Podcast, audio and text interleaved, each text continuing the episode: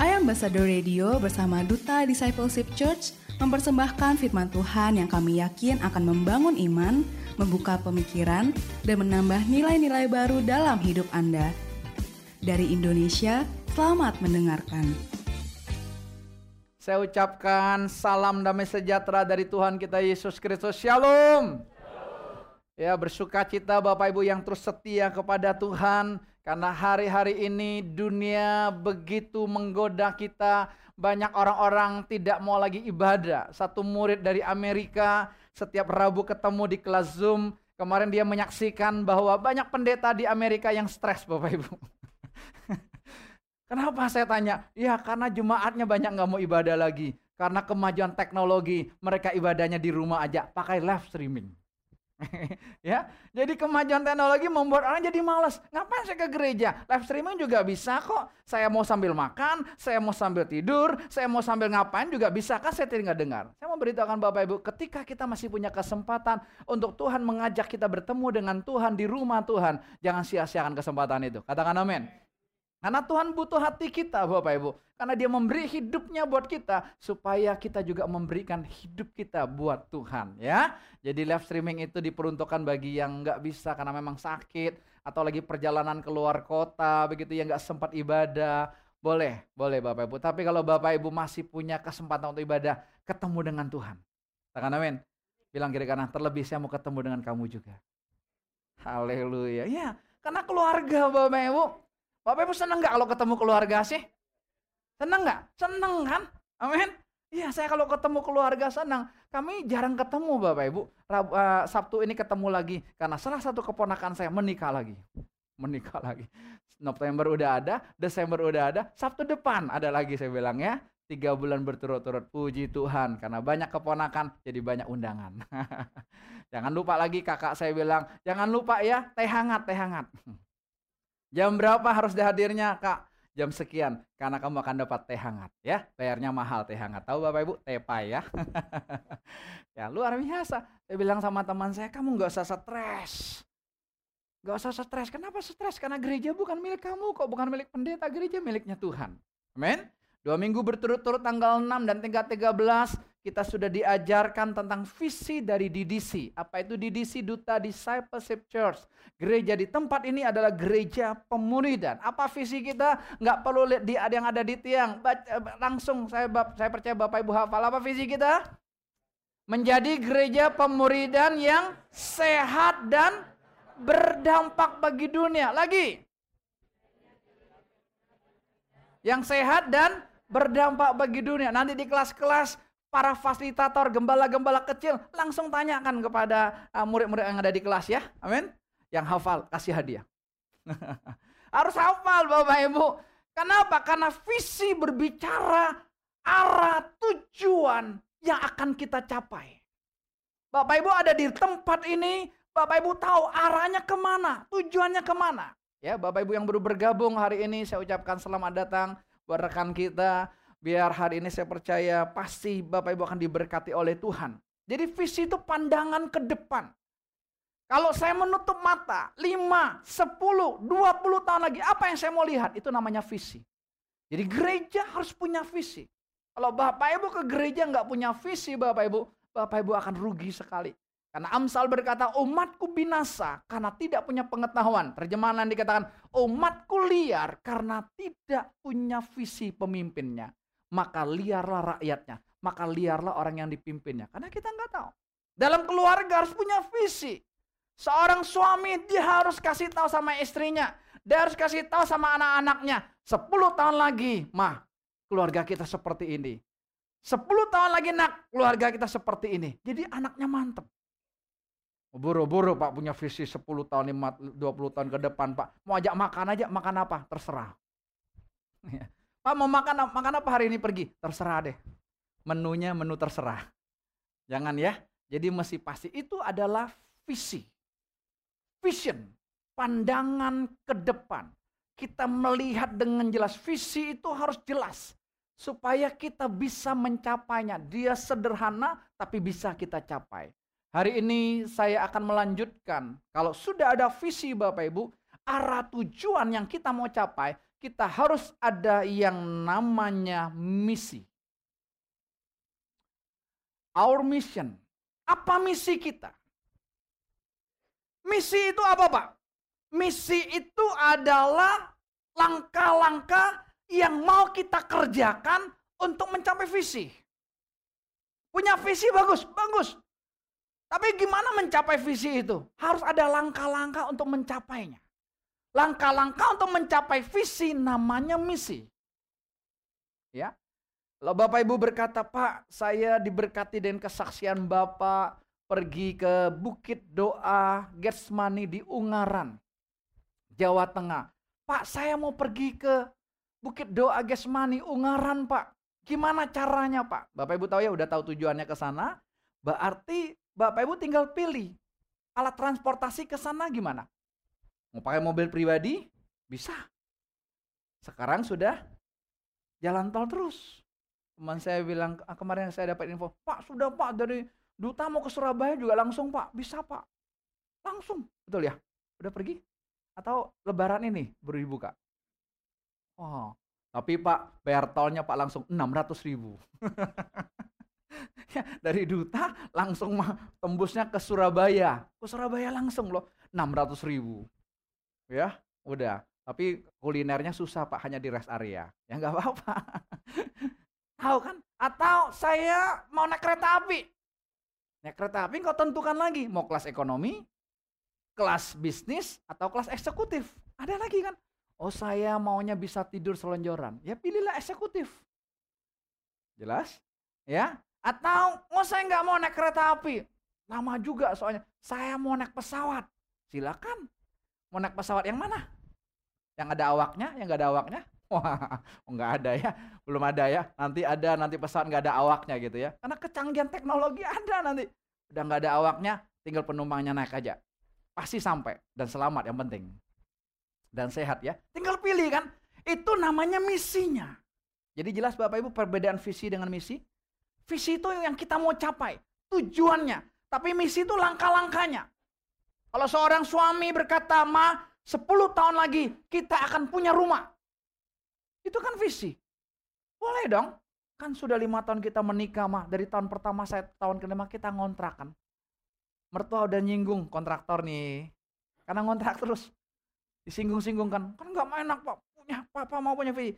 Nah untuk mencapainya. Engkau harus punya misi kan. Langkah-langkahnya gimana? Baik. Nabung per bulan berapa? Jelas ya? Itu namanya misinya, ada langkah-langkahnya. Oke, mana yang perlu kita beli, mana yang enggak dulu. Karena ini belum kebutuhan, karena kita punya visi.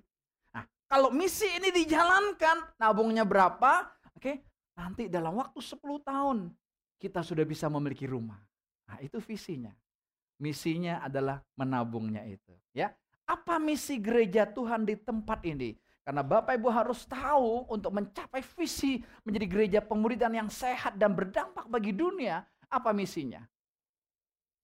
Ya, inilah misi gereja Tuhan di tempat ini kita baca bersama-sama memuridkan orang percaya dan membangun generasi yang radikal bagi Tuhan. Sekali lagi yang keras, memuridkan orang percaya dan membangun generasi yang radikal bagi Tuhan. Jadi ada dua langkah step yang besar yang akan kita lakukan di tempat ini Bapak Ibu untuk mencapai visi yang sudah kita dengar dua minggu berturut-turut ini. Dua langkah besar ini. Yang pertama, saya akan bahas langkah yang pertama adalah memuridkan orang percaya. Jadi Bapak Ibu ada di satu gereja yang kekuatannya, yang fokusnya itu adalah discipleship. Katakan sama-sama, discipleship. Pemuridan. Ya. Jadi harus tahu kita bukan ada di satu gereja yang pokoknya program demi program banyak kegiatan pokoknya, tapi nggak tahu langkah-langkah mencapai visinya, enggak. Kita fokus ke discipleship, kita fokus ke pemuridan, karena ini penting sekali. Murid Tuhan yang dari Amerika, ya kami kelas itu jam 10 pagi waktu Indonesia, Indonesia bagian barat ya, dia jam 11 malam hari Selasa waktu New Jersey kelas sampai jam 12 siang di sini dua jam ya. Dia sampai jam 1 pagi hari Rabu. Wah, canggih banget ya. Pak, ngapain ikut kelas dari jam 11 malam sampai jam 1 pagi, Pak? Capek-capek aja, ngerepotin aja. Enggak. Dia lakukan. Dia penuh kehausan. Saya tanya dia awal awal masuk kami baru berapa bulan jalan untuk yang kelas Imam Rajani ini. Nah, kenapa Bapak Ibu mau ikut? Bapak Ibu gembala senior, Bapak Ibu pegang banyak gereja karena dia juga ketua MD dari sinodenya. Kok Bapak Ibu mau ikut? Dia jawabnya cuma sederhana, Pak, saya tahu betapa pentingnya pemuridan itu. Saya tahu betapa pentingnya komunitas itu. Saya tahu itu Pak. Makanya saya rela Pak jam 11 malam siapkan waktu sampai jam 1 pagi. Saya bilang, wow, semakin mahal kita bayar harganya Bapak Ibu, maka nilai hidup kita semakin berkualitas. Amin. Ada harga? Ada barang. Itu jangan lupa. Harga yang mahal kita bayar, pasti kita dapat barang yang berkualitas. Saya bilang, Bapak Ibu pasti dapat. Dia bilang, oh ya betul. Baru berapa bulan nih mereka mengalami rekonsiliasi suami istri. Mereka mengalami rekon buat anak mereka. Karena Bapak Ibu mereka dua-duanya orang Indo. Tapi anak-anak mereka lahir di Amerika. Bapak Ibu tahu kehidupan Amerika begitu liberalnya. Ya, anak-anak sudah usia 17 tahun, orang tua nggak bisa macam-macam lagi. Kita disiplin anak, anak bisa lapor sama polisi, orang tuanya bisa masuk penjara. Jadi hukumnya seperti itu. Ya, tapi saya bilang nggak apa-apa. Pokoknya di dalam pemuridan ini, di dalam discipleship ini, pasti ada sesuatu yang dahsyat dan luar biasa. Lalu saya bilang, kenapa banyak pendeta-pendeta di sana stres? Kenapa banyak jemaatnya tidak mau ibadah lagi? Karena tidak dimuridkan. Tidak dimuridkan. Tapi kalau orang dimuridkan, percayalah Bapak Ibu, tentu pemuridan itu progres ya nggak langsung instan kita mengalami perubahan nggak. Saya pun sampai hari ini masih ada di kelas pemuridan. Ya kalau saya visitasi kelas yang hari Rabu, kenapa setelah itu saya harus pulang cepat? Karena Rabu jam 10 malam itu kelas saya. Jadi saya harus jadi contoh juga. Saya tidak boleh terlambat kan. Untuk ada di kelas sampai jam 12, kadang-kadang sampai jam setengah satu pagi. Kami baru selesai Bapak Ibu. Nggak apa-apa. Itu perlu ya. Nah, kita melihat mengapa pemuridan. Ya, yang pertama, karena Tuhan Yesus itu memuridkan. Perhatikan. Mengapa kita melakukan pemuridan di tempat ini Bapak Ibu? Karena Tuhan yang kita percayai, Tuhan yang kita sembah, dia selama ada di dunia ini, dia melakukan yang namanya pemuridan. Yesus tidak pusing dengan orang banyak, kerumunan yang ikut dia, dia nggak pusing. Tapi dia fokus untuk apa? Memilih murid-murid ini. Lah Bapak Ibu membaca kitab Injil Matius 1 Bapak Ibu. Waktu dia habis dibaptis oleh Yohanes Pembaptis dalam Injil Matius pasal yang ketiga. Maka dia mulai berpuasa 40 hari 40 malam. Seperti Musa, puasa 40 hari 40 malam tidak makan, tidak minum. Hidup ya, ya itu betul-betul kuasa supernatural. Luar biasa Tuhan beri kekuatan buat mereka. Bapak kasih kekuatan yang khusus buat mereka. Setelah dia berpuasa 40 hari 40 malam, maka Roh Kudus bawa dia di padang gurun untuk apa? Untuk dicobai oleh iblis. Dia belum melakukan pelayanan, Bapak Ibu. Dicobai oleh iblis dari satu ujian ke ujian yang level lebih tinggi lagi, ke ujian yang level lebih tinggi lagi. Tetapi karena hidup Yesus penuh dengan firman, maka dia selalu menang di dalam setiap ujian itu.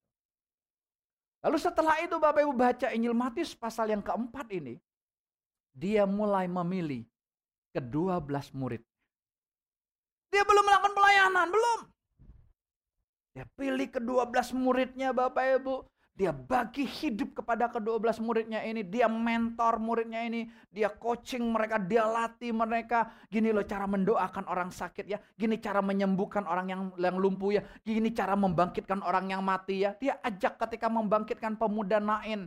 Dia ajak murid-muridnya ketika membangkitkan Lazarus yang sudah empat hari mati. Dia ajak. Itulah namanya discipleship. Itulah yang namanya pemuridan Bapak Ibu. Engkau akan dilatih prakteknya. Engkau akan dilatih bagaimana cara mendoakan orang. Bagaimana cara memberkati orang. Kau dilatih. Ya, Itulah yang dilakukan oleh Tuhan Yesus Kristus. Lalu setelah dia pilih murid-muridnya. Dan kita berkata, Pak, dari murid-muridnya kan pada satu yang menjual dia. Yang namanya Yudas Iskariot. Betul. Apakah Yesus yang salah? Enggak. Lalu keputusannya di tangan murid. mau berubah atau tidak. Betul nggak? Selalu keputusan tangan murid. Yudas memilih jalannya sendiri. Dia menjual gurunya dengan 30 keping perak dan dia mati bunuh diri. Itu keputusannya ya, Yudas. Tapi keputusan Yesus tiga setengah tahun. Dia pilih murid-murid. Untuk apa? Dia bagi hidupnya ketika dia tahu ketika dia tinggalkan dunia ini. Murid-murid ini akan berdampak bagi seluruh dunia. Dan Bapak, Ibu, dan saya bisa mendengar Injil hari ini. Karena ada murid-murid Tuhan yang rela menyebarkan Injil itu ke seluruh dunia. Amin. Jadi Yesus sendiri memuridkan. Dia adalah contoh kehidupan kita. Kalau Yesus memuridkan, berarti Bapak Ibu, dia bukan hanya memberikan contoh memuridkan, tapi dia kasih perintah untuk gerejanya memuridkan juga orang-orang percaya atau jemaat. Tidak peduli gereja itu lakukan pakai modul apa, bahannya apa, nggak peduli. Yang penting firman Tuhan. Bilang sama-sama yang penting firman Tuhan. Yang penting fokusnya Tuhan Yesus Kristus sebagai Tuhan dan Juru Selamat pribadi. Kalau Bapak Ibu udah ketemu pemimpin berkata sembahlah aku, akulah Tuhan. Ya, silakan Bapak Ibu tinggalkan. Kenapa? Sudah menyesatkan. Karena akhir-akhir zaman banyak nabi-nabi palsu. Ya, yang menyatakan akulah Tuhan. Sembahlah aku, jual semua milik kalian. Ya, Sembahlah aku, akulah Tuhan. Itu bahaya. Itu menyesatkan kita. Tuhan kita adalah Tuhan Yesus Kristus. Ketika orang tuh pakai firman Tuhan, ya, yang tepat, yang yang benar, terserah model pemuridannya gimana. Tapi yang jelas orang harus dimuridkan. Kita akan membaca bersama-sama di dalam Injil Matius pasal yang ke-28 Bapak Ibu.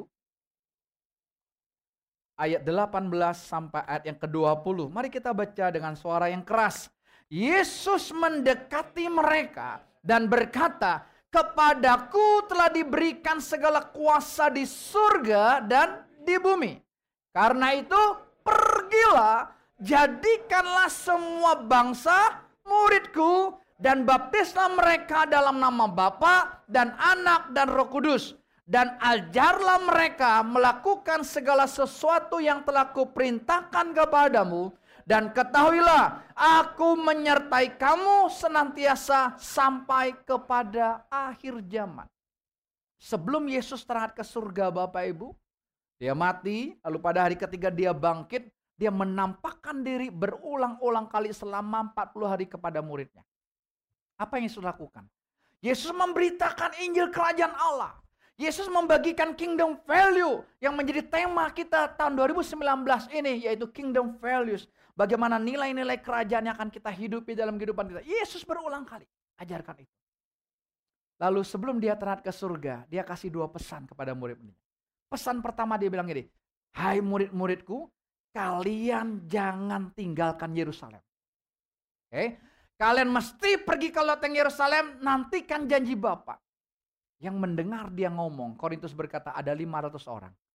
Tapi yang dengar dan taat melakukannya berapa orang? 120 orang. Nggak ada 25 persen. Dari 500 orang kan? Nggak ada 25 persen. No. 120 orang mengalami pencurahan roh kudus dalam kisah Rasul pasal yang kedua. Artinya pesan Tuhan yang pertama sudah digenapi belum? Sudah digenapi. Tapi ada pesan yang kedua Bapak Ibu. Ayat ini pesan yang kedua.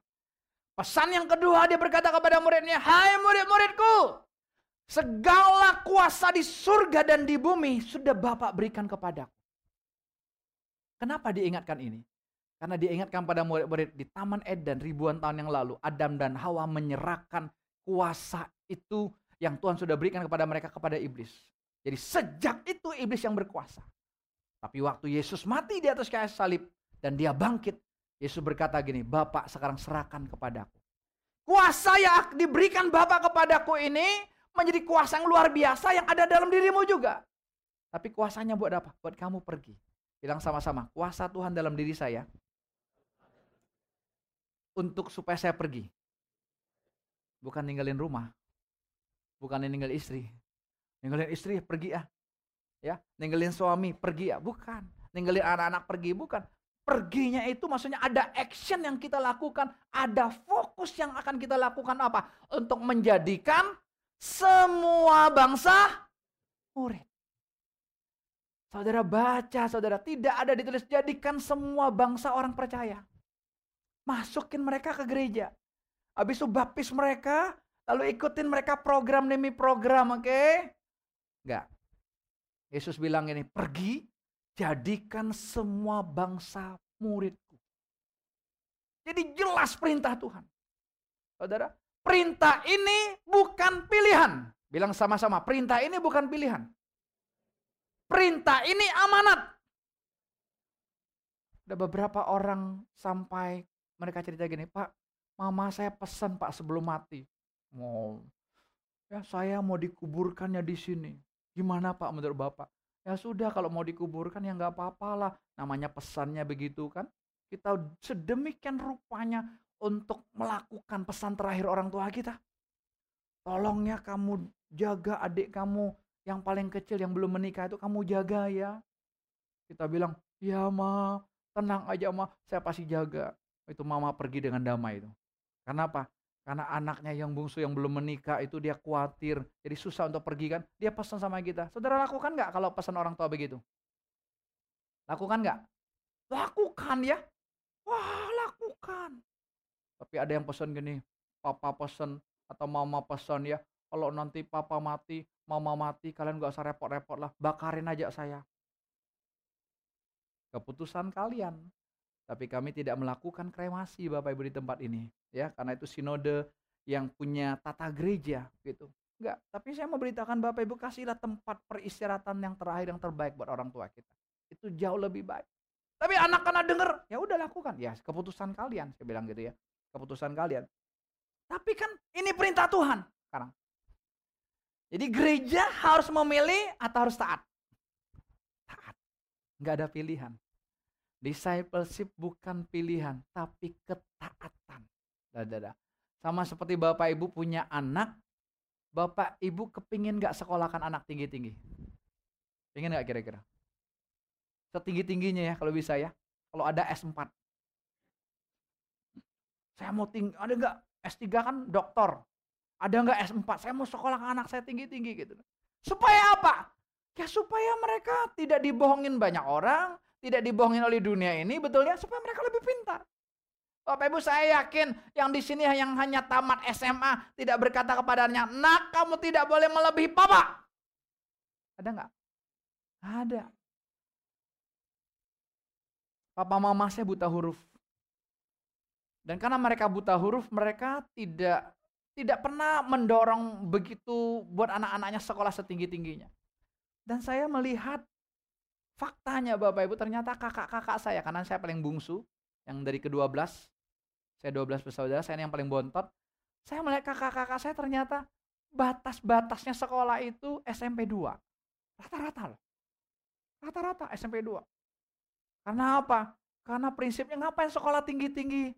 Toh dagang bakmi. Hitung duit kan gak usah sekolah tinggi-tinggi kata gitu. Jadi itu menjebak. Di atas saya yang nomor 11 sampai SMK nggak lulus. SMK 2 dia berhenti. Dagang bakmi. Sampai sekarang masih dagang bakmi. Ya sehingga dibohongin juga kalau dagang. 10 mangkok berapa udah tahu ya gitu ya. Saya bersyukur Tuhan kasih anugerah buat saya. Saya bisa melanjut uh, selesai SMK dan saya bisa kuliah di sekolah teologi ya. Saya percaya itu anugerah Tuhan. Anugerah Tuhan. Ya orang tua nggak nggak menuntut. Tapi bapak ibu sekarang saya yakin anak kita kita akan sekolahkan mereka. Betul nggak udah waktunya sekolah ini yang baru lahir aja mau disekolahin Angki orang Kasihan banget itu anak. Baru lahir, sekolahin. Ya, Grace jangan ya. Tolong Rudy jangan sekolahin Jeremia dulu. Sekolah aja gitu. Ya, saking canggihnya gitu ya. ya. Coba saudara hitung sekolah anak kita dari playgroup yang 2 tahun sampai S1. Hitung cepat berapa tahun? 20 tahun. Hitung cepat ya. Playgroup 2 tahun, TK 2 tahun, 4 tahun, SD 6 tahun, 10 tahun, SMP, SMA, kuliah. Berapa tahun? 20 tahun. Selesai anak kita 20 tahun udah jadi apa? Sudah hebat? Belum. Bahkan yang S1 banyak yang nganggur. Betul? Kita sekolahkan sampai ke luar negeri, biayanya ratusan. Kalau kita hitung dari playground mungkin miliaran. Waktu dia kerja, gajinya UMR. Coba. Tapi nggak apa-apa namanya baru belajar. Nanti kan akan terus meningkat, meningkat, meningkat. Betul ya? Sama dengan pemuridan. Kalau engkau yang belum ikut pemuridan kau berkata, ya ikut pemuridan aja Pak, belum berubah Pak. Jangan tunggu orang berubah. Perubahan dimulai dari diri sendiri. Alangkah celakanya kalau anak kita berkata, masa nggak mau sekolah mah? Kenapa? Tetangga udah sekolah aja masih bodoh. Coba, tetangga yang sekolah aja masih bodoh. Kok kok lebih pintar nggak sekolah? Itu pintar menurut pandanganmu kok. Menurut pendapatmu enggak. Kok kok masih sekolah? Bisa jelas? Dia sekolah aja bandel mah. Ngapain kok kok sekolah? Ngapain dedek sekolah? Eh, kamu jangan ikutin teman kamu dong. Kamu ikutin guru yang ngajar kamu. Kita ngikutin Yesus teladan hidup kita. Mentor kita, fasilitator kita. Mereka sebagai gembala-gembala kecil, mereka pun masih murid. Mereka masih dalam proses. Saya aja masih murid loh Bapak Ibu. Ya, saya belum lulus jadi murid. Kapan lulusnya Pak? Gak tahu. Bilang kiri kanan, nggak tahu. Ada yang tahu kapan dipanggil Tuhan? Nggak tahu kan?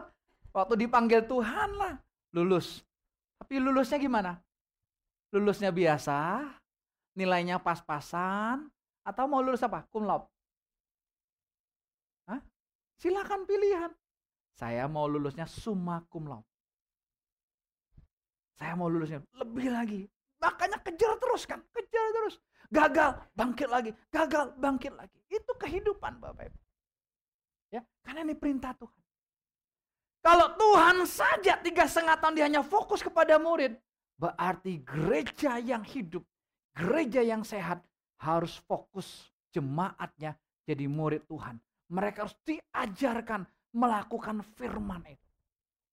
Kalau enggak Bapak Ibu, kita enggak akan pernah bertumbuh. Tuhan gak fokus dengan kerumunan orang banyak. Tapi dia fokus kepada murid. Ini luar biasa. Tuhan janji kalau kita fokus kepada murid, aku akan menyertainya sampai kesudahan zaman. Jadi nggak perlu takut. Kabar gembira teman uh, murid yang dari Amerika ini berkata, Pak, wah iblis begitu gencarnya gereja-gereja uh, kosong, pendeta-pendeta stres. Tapi Pak di New York dibilang gitu, ada satu gereja yang dari luar negeri mereka masuk jangkau anak-anak mudanya. Lima kali ibadah Pak, full. Wow. artinya apa? Apa pun yang iblis lakukan, Tuhan lebih dahsyat lagi melakukan. Terjadi kebangunan yang luar biasa untuk anak-anak muda di kota New York, Bapak Ibu. Satu gereja lewat pujian penyembahan mereka masuk anak-anak muda di sana mengalami lawatan Tuhan. Yang ketiga, mengapa memuridkan? Karena murid diberi karunia untuk mengetahui rahasia kerajaan surga. Kerajaan surga itu Bapak Ibu bagi kita semuanya rahasia. Coba Bapak Ibu berapa banyak kok yang baca Alkitab? Kok nggak ngerti-ngerti saya baca? Gak apa-apa baca aja dulu. Nanti roh kudus akan berikan karunia untuk kau mengerti rahasianya buat kita. Jadi baca aja dulu. Baca, baca terus. Tetapi memang gak gampang. Saya sendiri yang Tuhan percayakan mengecap bangku sekolah Alkitab selama lima tahun. Banyak Alkitab firman yang saya baca, saya gak ngerti. Maka saya butuh karunia dari Tuhan untuk memberikan pengertian itu buat saya. Salah satu contoh yang Tuhan bukakan buat saya itu di dalam Injil Matius pasal yang ke-25. Kalau Bapak Ibu pernah baca perumpamaan tentang 10 gadis. Lima yang bijaksana, lima yang bodoh. Ya, disebut ada yang bijaksana, ada yang bodoh. Mereka sama-sama sepuluh wanita ini, sepuluh gadis-gadis ini, mereka ada di satu rumah, mereka sedang menanti sang pengantin pria datang.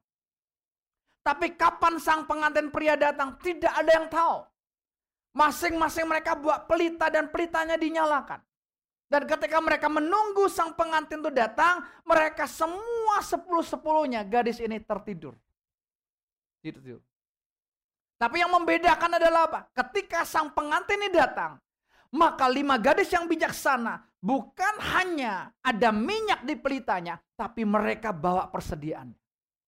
Perhatikan. Ini yang luar biasa.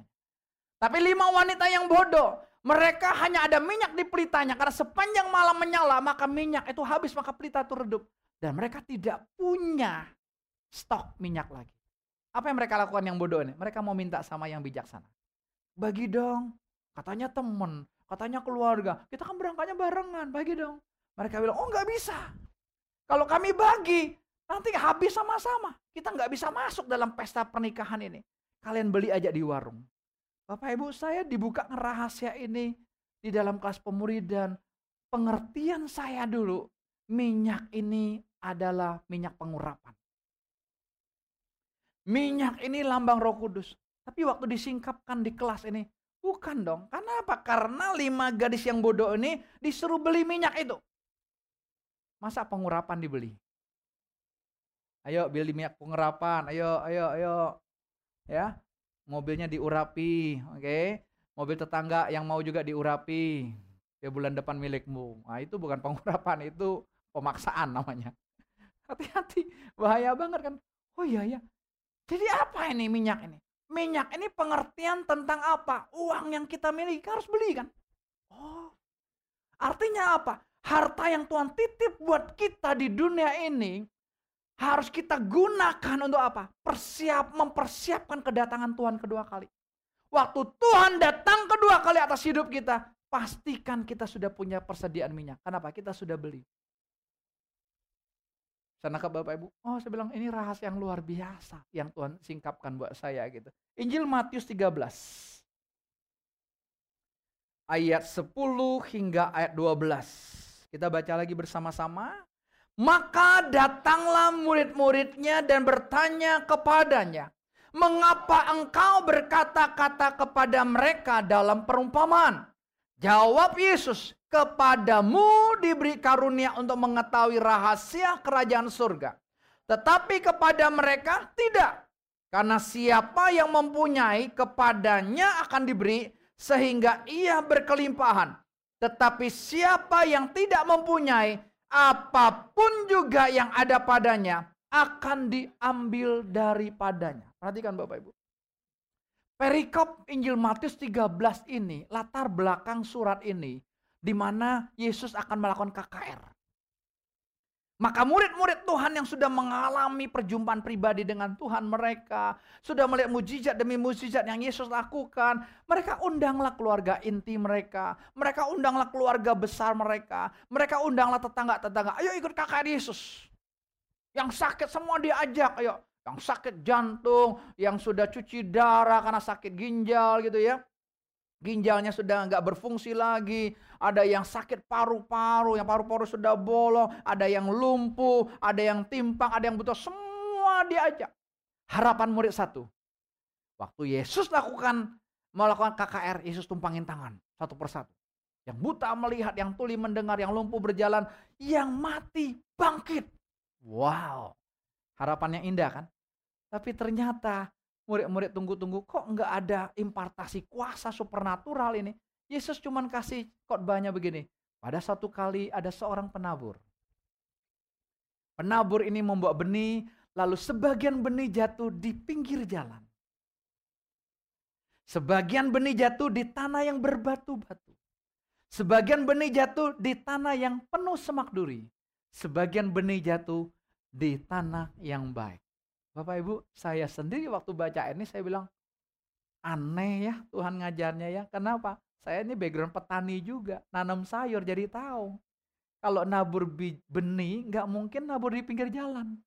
Betul nggak? Nggak mungkin. Tanah berbatu-batu, batunya kami angkat dulu.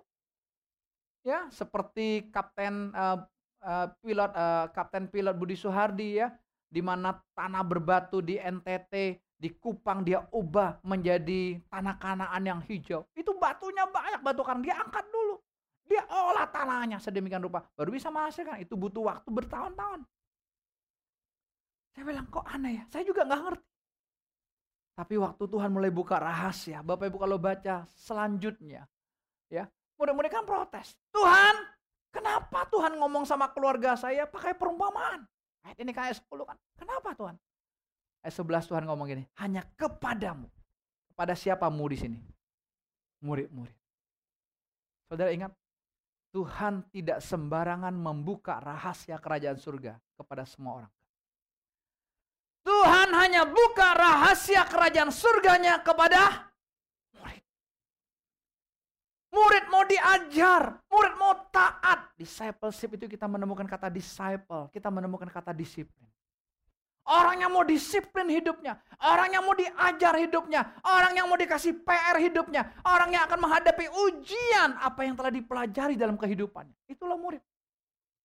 Yang nggak murid ada ujian nggak ada, tapi banyak gagalnya karena kita nggak tahu jawabannya, nggak tahu solusinya. Saudara kalau Bapak Ibu baca ayat ini berikutnya, Yesus jelasin kepada murid-muridnya, penabur itu adalah ini, benih itu adalah ini dikatakan. Lalu tanah yang jatuh di pinggir jalan tahu nggak apa? Itu adalah orang yang dengar firman, tapi dia nggak ngerti. Saudara dengar firman Tuhan ngerti nggak? Kadang-kadang kita nggak ngerti ya. Kadang-kadang kita nggak ngerti. Makanya bagaimana supaya ngerti? Dicatat khotbahnya. Setelah dicatat, jangan lupa dibaca. Pak catat pak lengkap pak. Enggak baca. Dicatat dibaca. Setelah dibaca, direnungkan. Setelah direnungkan baru dilakukan. Itu yang Tuhan mau. Tapi yang di pinggir jalan, dia cuma dengar firman, dia cuma rajin ke gereja, tapi nggak ngerti-ngerti. Datanglah burung lambang iblis ambil benih itu. Tumbuh nggak benihnya? Nggak tumbuh. Kenapa ada orang Kristen bertahun-tahun, puluhan tahun? Kitab Ibrani berkata dari sudut waktu kamu sudah harus jadi pengajar tapi kamu masih suka susu. Betul? Udah gede, kepinginnya susu. Ini makan rendang, enggak keras, pencernaannya belum kuat. Ayo, nih nasi, enggak keras. Kepinginnya bubur yang lembek-lembek. Itu bayi. Makanya kita harus dilatih kan. Pemuridan dilatih Bapak Ibu sesuai dengan tingkat rohanimu. Kau akan bertumbuh terus, kau akan dibimbing terus. Lalu tanah yang jatuh di tanah benih yang jatuh di berbatuan. Yesus kasih kasih langsung artinya kepada murid.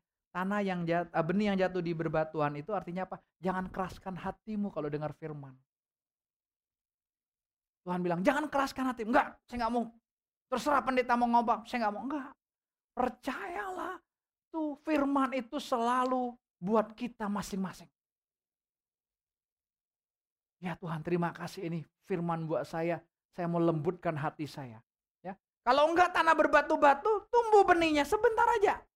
Tapi sebentar layu kena trik matahari. Kita layu kenapa? Karena tanahnya sedikit. Lalu dikasih contoh lagi benih yang jatuh di semak duri tahu nggak apa? Dia bilang ini, kekhawatiran dunia, kekhawatiran akan uang harta kekayaan dan yang lain-lainnya menghimpit benih itu tumbuh, tapi tidak berbuah. Saudara tahu, hari-hari ini kekhawatiran tentang keuangan yang paling banyak melanda orang percaya. Di kantong-kantong Kristen mereka jualkan Yesus hanya dengan satu kotak, satu dus mie instan. Mereka jualkan Yesus hanya demi beasiswa anaknya bisa sekolah. Mereka jualkan Yesus. Itu kekhawatiran dunia. Berapa banyak kita nggak apa nggak apa eh, nggak nggak nggak nyangka iblis tipu kita sedemikian rupa terus kerja kerja kerja terus. Baru saja seseorang berbicara dengan saya, wah ini yang kerja gajinya sebulan besar sekali, tapi hidupnya nggak bahagia. Hidupnya nggak bahagia. Ayo kita jadi murid Bapak Ibu. Supaya Tuhan bukakan rahasia buat kita. 1 Korintus 2 9 berkata, apa yang tidak pernah dilihat oleh mata, apa yang tidak pernah didengar oleh telinga, apa yang tidak pernah timbul di dalam hati, itu itu disediakan Allah bagi orang yang mengasihi dia. Siapa yang mengasihi dia? Orang-orang yang mau diajar. Tadinya kita nggak mengasihi dia, karena kita diajar bagaimana mengasihi Tuhan, bagaimana mencintai Tuhan. Tuhan akan bukakan rahasia. Kalau saya mau saksikan banyak hal yang Tuhan bukakan kepada kami, pada orang-orang yang saya lihat mereka setia untuk belajar terus. Wah Pak, saya bisa mengendalikan emosi Pak. Dari 0 sampai 100, berapa kamu kemenangannya? 10% Pak. Amin. Kalau dari 0 sampai 100, kalau maju 10% udah maju belum namanya? Mudah. Wah baru 10% aja udah bangga. Udah disaksikan di mana-mana. Oh jangan dong. Anak kita dari nggak bisa nulis, sudah bisa nulis ibu. Seneng nggak? Yang belum bisa ngomong, bisa panggil papa. Seneng kan papa? Eri, anak papi udah bisa ngomong. Seneng kan? Enggak kita tabokin, baru ngomong papa. Coba. ya, Rudi jangan gitu. Baru ngomong papa. Udah tabok gitu. Grace tabok sebelah kanannya. Tuh anak langsung berhenti nggak bisa ngomong. Karena apa? Langsung shock. Sampai nggak bisa, sampai gede nggak bisa ngomong. Kenapa waktu kecil baru belajar kamu ditabok bapaknya? Enggak dong. Saya nangkep. Itulah perubahan kehidupan. Ya, ayo kita melihat itu dari kacamata Tuhan. Seringkali kita ini egois. Kita nggak mau berubah, kita tuntut orang berubah. Kita jadi suami nggak mau berubah, kita tuntut istri kita berubah. Kamu udah ikut pemuridan. Lebih baik saya. Sombong tuh namanya. Belum tentu baik kacamatamu. Kacamata orang lain. Nggak usah kacamata Tuhan dulu deh. Kacamata orang lain udah baik belum? Belum tentu loh. Makanya kita butuh di komunitas supaya orang lain bisa melihat blind spot kita. Saya tidak bisa melihat blind spot saya. Saya tidak bisa melihat kekurangan saya. Menurut saya khotbah pagi tadi sudah baik. Tapi waktu saya menghampiri belahan jiwaku, belahan rohku. Gimana sayang? sama Maria. Ini, ini, ini, ini, ini. Terima kasih sayang. Kalau dulu, no. Ya. Kamu nggak ngerti, saya ngerti. Tapi saya mau belajar untuk apa? Dapat masukan lagi. Saya perbaiki di ibadah kedua. Amin Bapak Ibu. Ya, saya kita akan mendengar kesaksian dari beberapa teman yang sudah di shoot lebih dahulu ya. Biarlah kesaksian mereka jadi berkat buat kita betapa pentingnya pemuridan itu. Silakan. Saya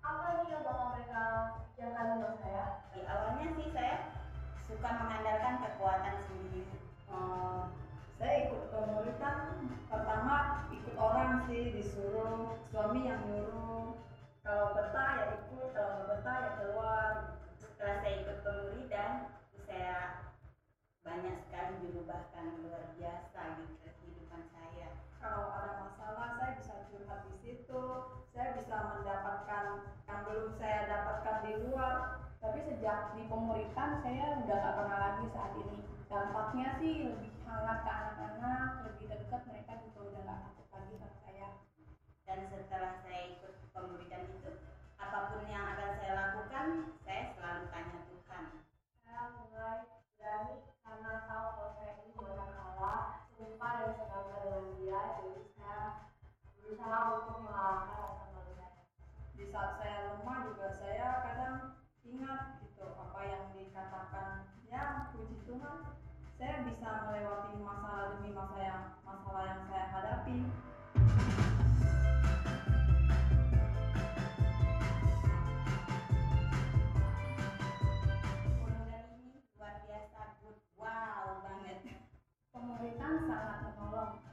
pemuritan itu berbagian dari keluarga saya ya lengkap keren seru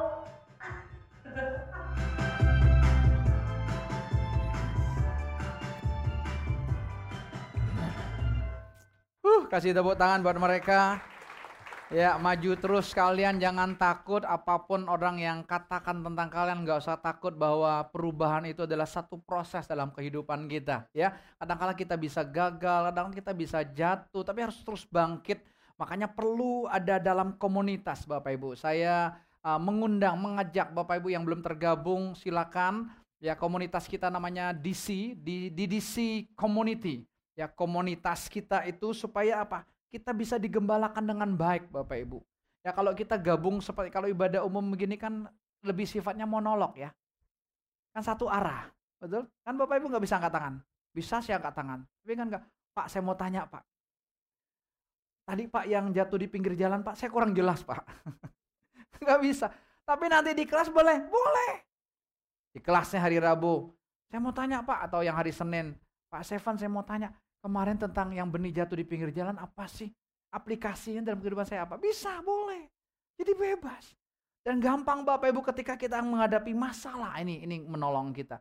Kita bisa share ada orang yang minimal mendoakan kita. Ada orang yang minimal yang menguatkan kita. Itu pentingnya. Ya, kami pemimpin bisa nggak tahu kan tapi kalau di kelasnya fasilitator, fasilitator langsung memberitahukan karena mereka gembala-gembala kecil. Pak, si ini menghadapi ini. Ayo kita dukung dalam doa. Ya, Pak, dia butuh kunjungan. Tim kunjungan kami akan masuk untuk apa? Memberikan kekuatan. Itulah namanya keluarga, Bapak Ibu. Tapi kalau engkau hanya jadi jemaat biasa, engkau hanya datang hari Minggu dan tidak ada di di komunitas kecil nih Bapak Ibu. Ketika engkau hadapi masalah, engkau bingung mau ngobrol sama siapa ya? Mau cerita sama siapa ya? Masalah udah bertahun-tahun, udah puluhan tahun kehadapi. Nggak bisa. Tapi di kelas itulah kita saling tolong menolong. Di kelas itulah minimal ada orang yang menguatkan hati kita ya. Jadi ambil bagian semua karena seperti kita orang tua merindukan anak kita sekolah setinggi-tingginya. Kita berkorban, kita bekerja untuk mereka bisa sekolah. Papa dulu cuman SMP, tapi papa mau kamu sekolah setinggi-tingginya nak. Mama dulu cuman SMA karena karena apa nenek kakek nggak mampu biayain. Mama sudah harus langsung kerja. Tapi mama kepingin kamu sekolah. Itulah kerinduan orang tua untuk anaknya sekolah. Kerinduan kami juga Bapak Ibu supaya Bapak Ibu ada di komunitas. Percayalah pasti engkau akan jadi murid yang sehat. Ingat itu visinya, kembali ke visi. Misi kan untuk menjalankan visi. Kalau engkau sehat, pasti berdampak hidup. Pasti berdampak. Orang nggak bisa menyangkal kalau engkau berubah hidupmu. Gak bisa menyangkal. Keluarga besarmu nggak bisa menyangkal. Yes, dia berubah ya. Saya mau ikut ah. Karena perubahan itu nyata sekali. Jelas ya? Lalu yang berikutnya. Membangun generasi yang radikal bagi Tuhan. Ini langkah kedua kita, misi kita membangun generasi yang radikal. Yang cinta Tuhan, yang mengasihi Tuhan sungguh-sungguh sejak usia dini. Maka di sini Bapak Ibu, sekolah minggu kita yang ada di lantai dua itu namanya bukan sekolah minggu tapi Jail Kids. Jail itu Generation of Joel. Generasi Joel. Lalu ada Jail Teens nanti jam 1 siang. Lalu jam 4 sore di tempatnya ada Jail Youth. Kalau kita yang umum jail apa ya? Jail fam. Generation family ya.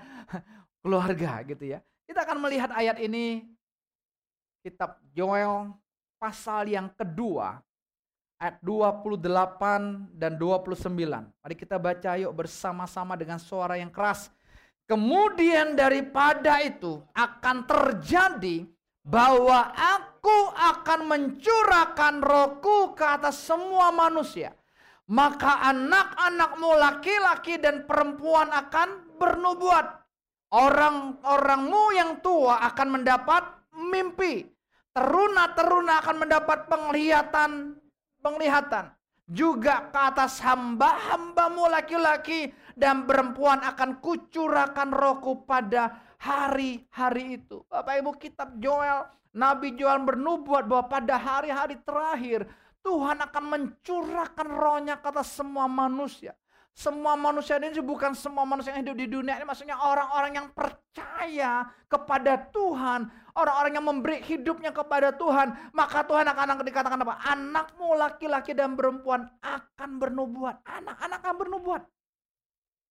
Jangan kaget nanti Bapak Ibu anak-anakmu menyampaikan kata-kata profetisnya. Papa, bertobat Pak. Kerajaan Allah sudah dekat. Jangan kau berkata, hai anak kecil, tahu apa kamu? Sekolah aja kamu. Eh jangan.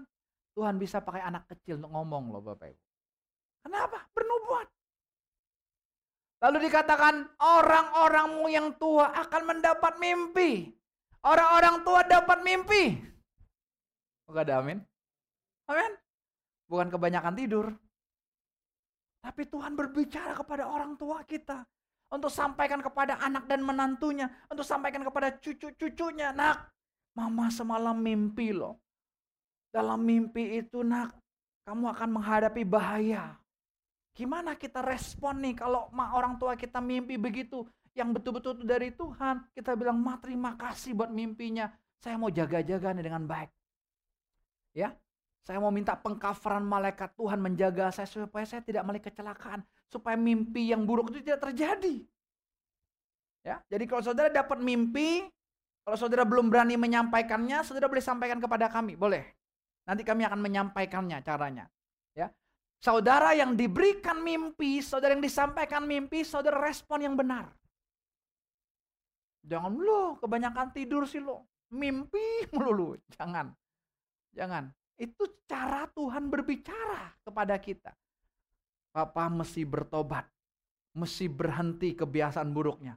Kalau enggak ini malaikat maut yang akan ambil. Ya nak, ya nak. Ya, jadi seperti itu ya.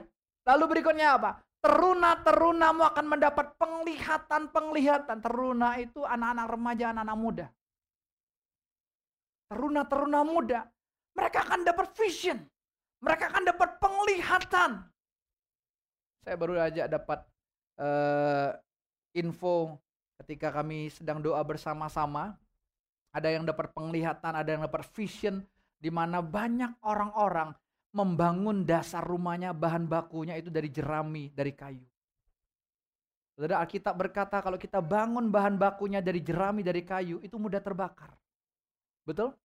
Ketika api ujian datang, kita hangus, kita terbakar. Kita bisa tinggalkan Tuhan.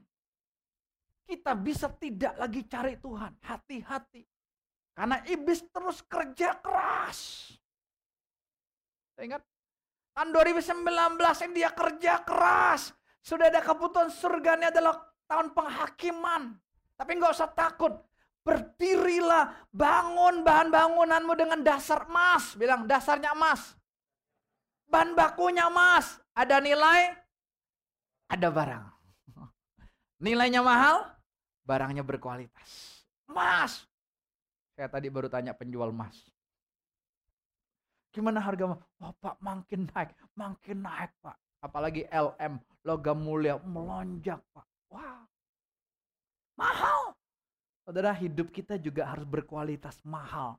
Jadi ketika api ujian datang, kita nggak hangus. Tapi kita semakin murni, semakin murni, semakin murni. Ya, jadi inilah generasi juga. Lalu juga kata hamba-hambaku laki-laki dan perempuan akan kucurahkan rohku pada hari-hari itu. Saya ngobrol dengan seseorang yang terjun dalam pelayanan sosial. Dia punya beban untuk pelayanan di Papua, Bapak Ibu. Khususnya di Wamena. Mengapa dia punya beban di sana ketika dia meneliti di sana Bapak Ibu tahu? Ini sangat miris, sangat sedih saya dengarnya. Anak-anak SD, Bapak Ibu, anak-anak SD, mereka sudah terjangkit HIV. Anak-anak SD. Coba Mengapa? Ada onom-onom tertentu yang tidak bertanggung jawab membuat PSK-PSK yang sudah terjangkit HIV dari Pulau Jawa ini kirim ke Papua. Mereka hanya bayar 20 ribu Bapak Ibu. 20 ribu. Jadi begitu banyak anak-anak yang masih kecil baru SD 12 tahun, 13 tahun baru SMP sudah terjangkit HIV. Itu cara kerja iblis coba. Oh gimana? Orang tua dalam Tuhan, orang tuanya hanya gereja, hanya Kristen saja, tidak bisa mengcover anak itu yang terjadi. Miris nggak? Sedih nggak kita dengarnya? Ya, anak-anak kita harus di cover Bapak Ibu. Makanya di tempat ini kita punya misi supaya apa? Anak-anak ini menjadi generasi yang radikal. Generasi yang cinta Tuhan. Gimana caranya? Generasi yang radikal itu adalah melalui keintiman dengan Bapa Surgawi. Setiap kita kalau mau menggenapi penggenapan kitab Joel pasal yang kedua 28 29 tadi Bapak Ibu tidak ada cara yang instan. Kecuali apa? Kita intim sama sumbernya. Harus intim. Harus dekat. Di tempat ini masih dua minggu sekali ya. Kemarin ya ada namanya SBB. SBB itu adalah sehati bertemu Bapak. Ini terbuka buat kita semua Bapak Ibu. Ayo datang dari setengah enam. Kita intim dengan Bapak. Kita berfellowship satu dengan yang lain. Ini cara kita membangun. Saya tahu ada beberapa dari Bapak Ibu yang berkata, Pak saya berdoa di rumah kok Pak. Saya tahu itu. Tapi sebagian besar kita nggak mudah berdoa sendiri di rumah. Itu nggak? Kebisingan di rumah, lalu telepon lah dan sebagainya lah. Kita nggak konsen. Tapi di tempat ini kita konsen, kita fokus. Dilatih. Jadi Bapak Ibu doa bersama-sama itu doa korporat. Itu melatih kita supaya kita nanti terbiasa waktu doa sendiri pribadi. Silahkan datang. Sejak tanggal 1 Januari yang lalu Bapak Ibu. Hari ini berarti hari yang ke-20. Setiap jam setengah 10 malam. Catat setengah 10 malam sampai jam setengah 11 malam Bapak Ibu. Selama satu jam. Kita ada yang namanya intimate worship. Penyembahan untuk keintiman dengan Tuhan. Bapak Ibu bisa datang. ya Nanti di gedung depan gedung depan tiga lantai itu, Bapak Ibu bisa langsung naik ke lantai tiga. Setengah sepuluh sudah ada orang-orang yang menyembah, mengagungkan Tuhan. Bapak Ibu dari kita nggak bisa menyembah, kita bisa belajar. Oh menyembah itu gitu ya. Oh memuji itu gitu ya. Oh mengagungkan gitu ya. Itu penting sekali. Kenapa? Yesus ajak murid-muridnya untuk berdoa sebelum dia ditangkap oleh tentara Romawi di Taman Getsemani. Dia ajak ke sebelas muridnya karena Yudas tidak ada bersama-sama waktu itu. Yudas sudah uh, dikuasai oleh iblis. Sebelas murid diajak. Dari delap, uh, dari sebelas ini tiga diajak lagi lebih dekat lagi. Petrus, Yohanes dan Yakobus. Tapi setelah itu dia pergi berdoa sendiri. Dan dia pesan kepada murid-muridnya yang tiga ini kamu berdoa selama satu jam ya. Atau dia balik murid-muridnya tertidur. Dia bangunkan. Kamu tidak sanggupkah berdoa satu jam? Kamu harus berdoa satu jam minimal satu hari. Untuk apa? Supaya kamu tidak jatuh ke dalam pencobaan. Pencobaan. Satu jam. Satu jam itu saudara enggak ada 10 persen loh. 10 persennya setiap hari 2,4 jam betul? 24 jam kan? Semuanya sama waktu? Ada yang kurang? Ada yang kurang? Enggak ya, ada yang bilang, Pak kalau bisa lebih Pak sehari Pak, cukup. Tergantung bagaimana kita kelola waktu itu sebaik mungkin. Ada waktu bekerja, ada waktu bersama dengan keluarga, ada waktu intim dengan Tuhan. Itu harus diatur dalam kehidupan supaya kita tidak jatuh ke pencobaan. Kemarin Sabtu pagi-pagi sekitar jam 2 tiba-tiba ini tiba-tiba sekonyong-konyong karena nggak ada tanda-tandanya perut saya mules. Nah, saya bilang kenapa ya? Makan teratur, kan sudah sudah khotbahkan kingdom health. Kan nggak sembarang makan sudah teratur nih wah. Ke toilet bapak ibu. Wah tidur juga udah nggak enak itu. Lalu jam setengah enam kami doa sama-sama di sini di SBB mulai duduk duduk duduk nggak kedengaran kan? Emangnya drum ujian menyembahan lalu Rudi bawa renungan saya saya dengarkan saya diberkati karena dia berkata masuk tahun 2019 ini ujiannya semakin banyak. Tapi lewat intimate worship, wah saya diberikan kekuatan Bapak Ibu. Jadi bukan kita intim sama Tuhan nggak punya masalah, bukan. Bukan itu. Bukan. Tapi waktu kita intim sama Tuhan, ada solusinya. Amin. Saya bilang Tuhan nggak bener nih. Besok saya harus khotbah. Gimana nih Tuhan?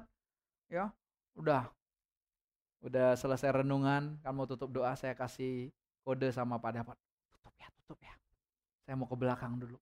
Wah ke belakang. Wah badan saya langsung lemas Bapak Ibu.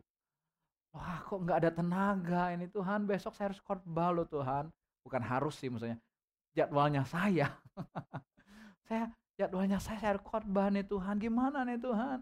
Sepanjang hari kemarin Bapak Ibu saya lemes. Lemes. Pokoknya nggak ada tenaga gitu. Tapi saya bilang, Tuhan saya tahu janjimu berkata gini. Roma 10 11, barang siapa yang percaya kepada Tuhan tidak akan dipermalukan. Saya ingat itu. Saya tahu Tuhan tidak pernah dipermalukan orang-orang yang percaya kepada dia.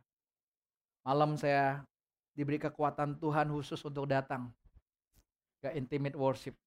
Dan saya bilang sama anak sulung, kamu hari ini naik taksi online ya pulang ya ke kampus. Karena papa mau istirahat nih, mau persiapan buat hari ini. Ya, udah jam sampai jam 11 kurang 15. Gak apa-apa, saya bilang malaikat Tuhan menyertai kamu. Kalau papa kuat, papa akan antar kamu. Tapi gak apa-apa, papa butuh istirahat. Ya, saya bisa intimate worship semalam tidur yang berkualitas tadi pagi bangun dengan kesegaran yang baru. Saya bisa jadi berkat buat Bapak Ibu hari ini. Saya tahu bukan kekuatan, kemarin lemes seharian Bapak Ibu, lemes. Gimana sih kalau nggak punya tenaga gitu? Kayak lemes nih, kepinginnya tidur aja gitu ya. Ya begitu banyak air yang keluar gitu. Tapi saya percaya, sehat, seger. Karena apa? Ada kekuatan dari Tuhan, keintiman. Ya. Lalu Bapak Ibu yang berikutnya, melakukan firman Tuhan dalam kehidupan kita sehari-hari. Membangun generasi yang radikal, kami akan ajarkan melakukan firman Tuhan dalam kehidupan sehari-hari. Anak-anak jail kids mereka yang ada di DDC community, di kelas pemuridan, mereka mulai diajarkan bagaimana mereka tidak selfish. Tahu selfish? Selfish itu untukku, untuk saya, untuk diriku. Itu anak-anak. Coba kalau mereka punya makanan, punya coklat, punya permen, susah kasih orang ya. Susah kan itu, itu tabiat dosa. Tapi kami mulai ajarkan mereka, kamu nggak boleh selfish, tapi kamu harus selfless. Matikan dirimu mulai bagi. Dari kesaksian dari anak-anak uh, jail kids, pemuritan jail kids mereka sudah mulai membagi buat kakaknya, buat adiknya, buat teman-temannya. Itu kan luar biasa. Coba anak kalau kita nggak murid kan nggak ajarkan mereka, mereka akan tetap selfish kok. Untukku kok, papa beli buat saya kok, mama beli buat saya kok.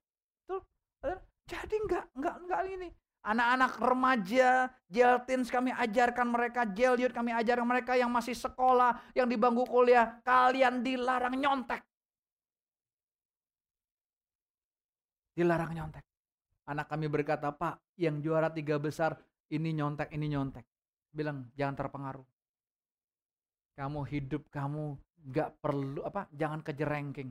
Yang penting pulang bawa piala. Wah itu ngancam itu. Gak usah ranking gak apa-apa. Pulang bawa piala. Nanti piala temannya dia bawa pulang. Ya, ya. Gak usah takut sayang. Kamu belajar sungguh-sungguh. Ya nanti sebelum ujian doa roh kudus tolong kamu. Apa yang kamu pelajari roh kudus akan ingatkan kamu. Karena apa? Kalau kamu nyontek, ingat, kamu sedang membangun dasar hidupmu dengan bahan mat, bahan baku yang salah. Mudah terbakar. Nyontek gampang kan? Kamu gak akan bisa berhasil, kata Tuhan. Kami ketemu dengan seorang anak muda. Waktu dia ketemu dengan kami, dia bilang ini, mau cerita apa ya? Dia bingung sendiri. Karena apa? Hidupnya stres. Hidupnya penuh pergumulan. Dan berulang kali dia mau bunuh diri. Lalu kami mulai pembicaraan. Biasanya kalau saya mulai pembicaraan itu saya mau lihat akar dulu apa ini. Kamu berapa saudara? Lima. Anak keberapa kamu? Kedua. Ini, ini pemudi ya. Lalu yang besar? Kakak kakakmu perempuan. Oke. Kamu dari suku mana? Disebut suku tertentu. Oke, saya langsung tahu. Karena suku ini sangat mengidolakan anak laki-laki. Jadi kakaknya perempuan, dia lahir perempuan. Saya mau tanya, pernah nggak kamu dengar dari papa atau mama bahwa mereka mau anak laki-laki? Mama mau anak laki-laki. Berarti kamu sejak dari kandungan sudah ditolak. Baru ngomong gitu, sudah berkaca-kaca matanya. Iya pak, kok saya nggak bisa deket sama mama ya? Kalau ketemu mama, wah maunya berantem, wah. Bapak ibu coba cek. Kalau anakmu ada, kok nggak deket ya? Itu ada gapnya. Kau merindukan jenis kelaminnya ini, keluarnya ini.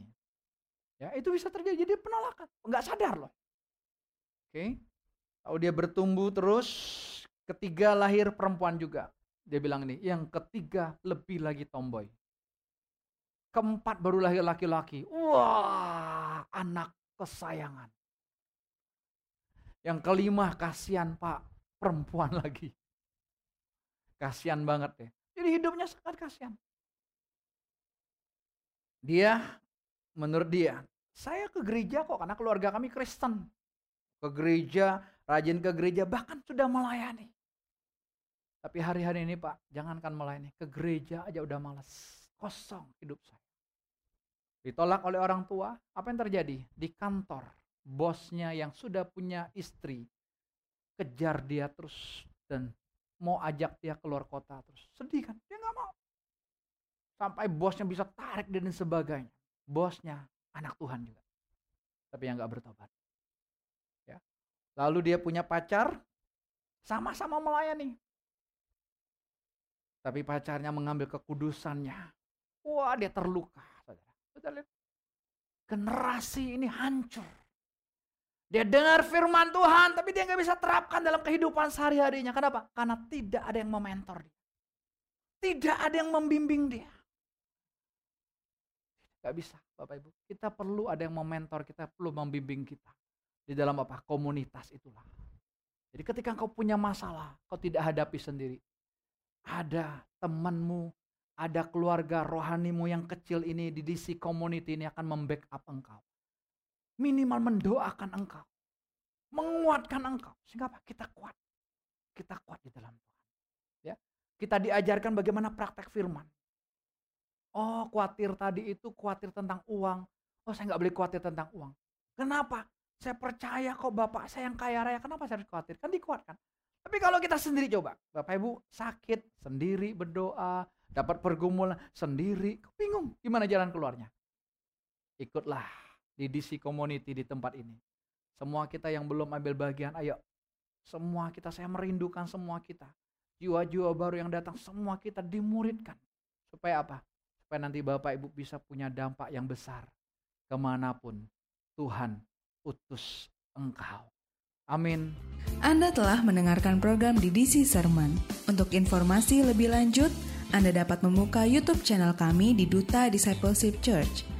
Terus dengarkan Ayam Basado Radio setiap hari Senin jam 1 siang untuk mendapatkan firman-firman terbaru.